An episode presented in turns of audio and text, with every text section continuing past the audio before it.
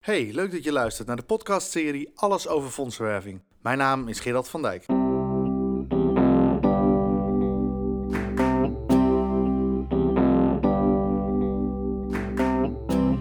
Je luistert naar een podcast van Krantio Fondsenwerving.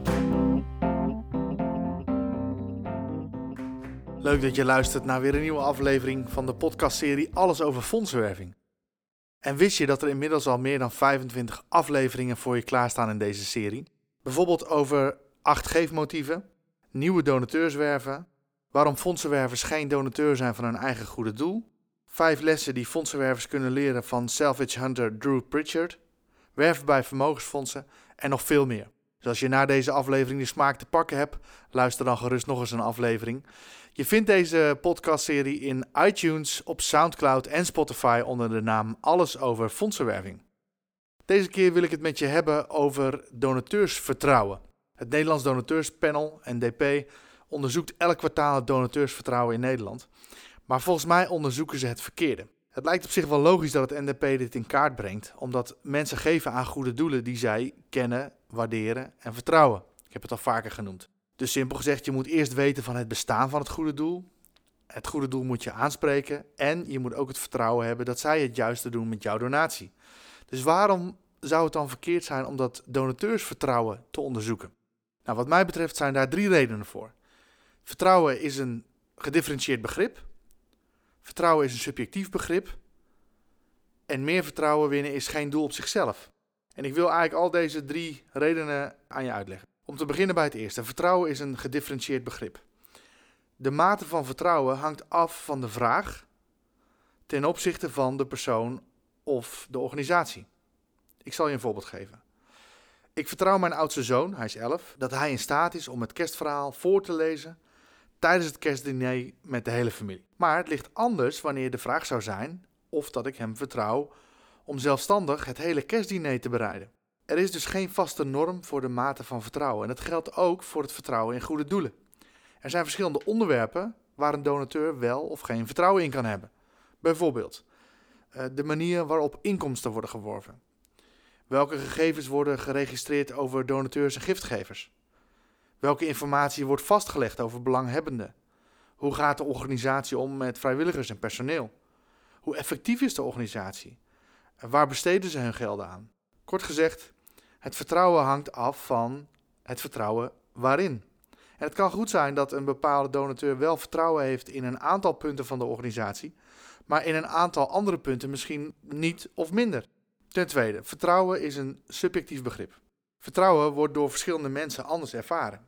Het heeft te maken met de informatie die iemand wel of niet heeft, je eigen denkkaders van wat je normaal vindt, en ook de geldende norm in de omgeving waarin je leeft. Ik zal je een voorbeeld geven. Als je de vraag aan iemand stelt: Vindt u dat directeuren van goede doelen te veel verdienen? Is dat een subjectieve vraag. En de kans is groot dat mensen dat bevestigend beantwoorden. Maar je zou ook de vraag kunnen stellen: Wat vindt u van directiesalarissen bij goede doelen?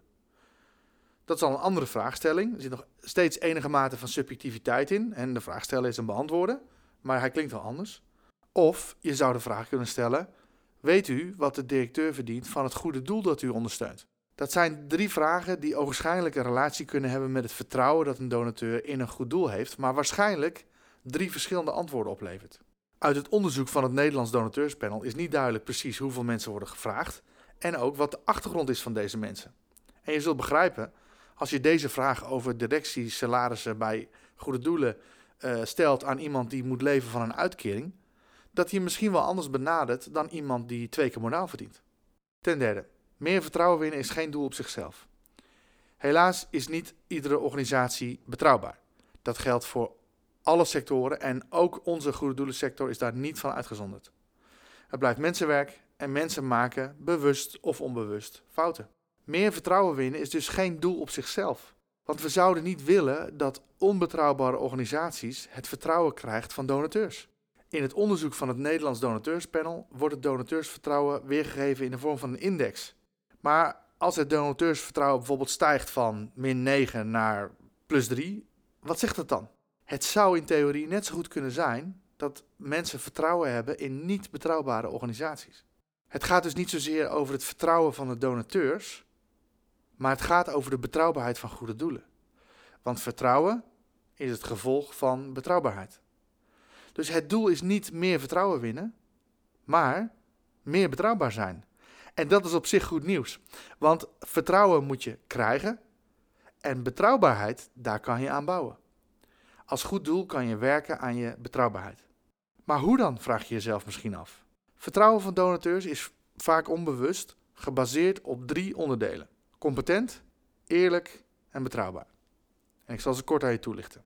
Competent gaat over de vraag: is het goede doel in staat om het probleem op te lossen of aan te pakken? Hebben ze de juiste mensen? Hebben ze de juiste middelen en de juiste plan van aanpak om er echt iets aan te doen?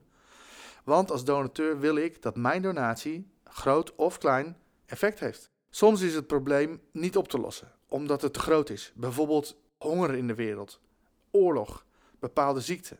Maar dan wil ik als donateur ervan overtuigd raken dat het goede doel de effecten van die narigheid in ieder geval verkleint. Eerlijkheid. Uiteraard is het voor vertrouwen ontzettend belangrijk dat je eerlijk bent. Dat geldt namelijk in elke relatie. Tussen man en vrouw, tussen ouders en kinderen, tussen werkgevers en werknemers, tussen collega's, tussen vriend en vriendin en ook in de relatie tussen het goede doel en de donateur. Eerlijk zijn over wat wel is gelukt, maar ook over wat nog niet is gelukt. Eerlijk zijn over de uitdagingen waar je mee worstelt en waar je misschien nog niet eens het juiste antwoord op gevonden hebt. Dat is kwetsbaar. Maar in die kwetsbaarheid ligt de kracht. Openheid en transparantie dragen namelijk bij aan het vertrouwen. Betrouwbaar. Uiteraard is betrouwbaarheid zeer belangrijk in de mate waarin donateurs het goede doel vertrouwen. En dat heeft te maken met doe wat je zegt en zeg wat je doet. Dit geldt tot in de kleinste dingen aan toe. Bijvoorbeeld, als je op je website aangeeft dat je tussen half negen ochtends en vijf uur s middags telefonisch bereikbaar bent, zorg dan ook dat tussen deze tijden de telefoon wordt opgepakt. Een ander voorbeeld. Als een donateur jou een mail stuurt, zorg er dan voor dat je uiterlijk binnen twee werkdagen en het liefst zelfs binnen één werkdag reageert. En mocht je het antwoord nog niet hebben, stuur dan een reactie dat je ermee aan de slag gaat. En geef aan wanneer je verwacht het antwoord wel te kunnen geven. Lukt dat opnieuw niet, ga dan weer in contact met je donateur. Het liefst even via de telefoon, dat is veel persoonlijker. En leg uit waarom het niet gelukt is, wat je volgende stap is en wanneer je weer contact opneemt.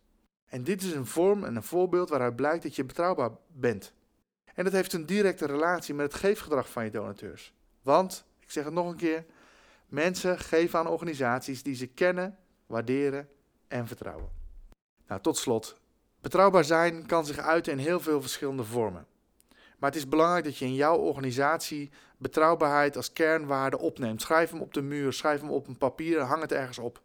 En het is een discussie waard met mensen uit je organisatie, vrijwilligers, donateurs, collega's, bestuursleden, over het onderwerp waaruit blijkt dat wij betrouwbaar zijn. In combinatie met de vraag: wat zouden wij nog meer kunnen doen om onze betrouwbaarheid te vergroten? En ook hier geldt: sociaal gewenste antwoorden sussen je in slaap, maar oprechte antwoorden helpen jou om je organisatie te verbeteren. Ik wens je veel succes en plezier met het verbeteren van de betrouwbaarheid van jouw goed doel.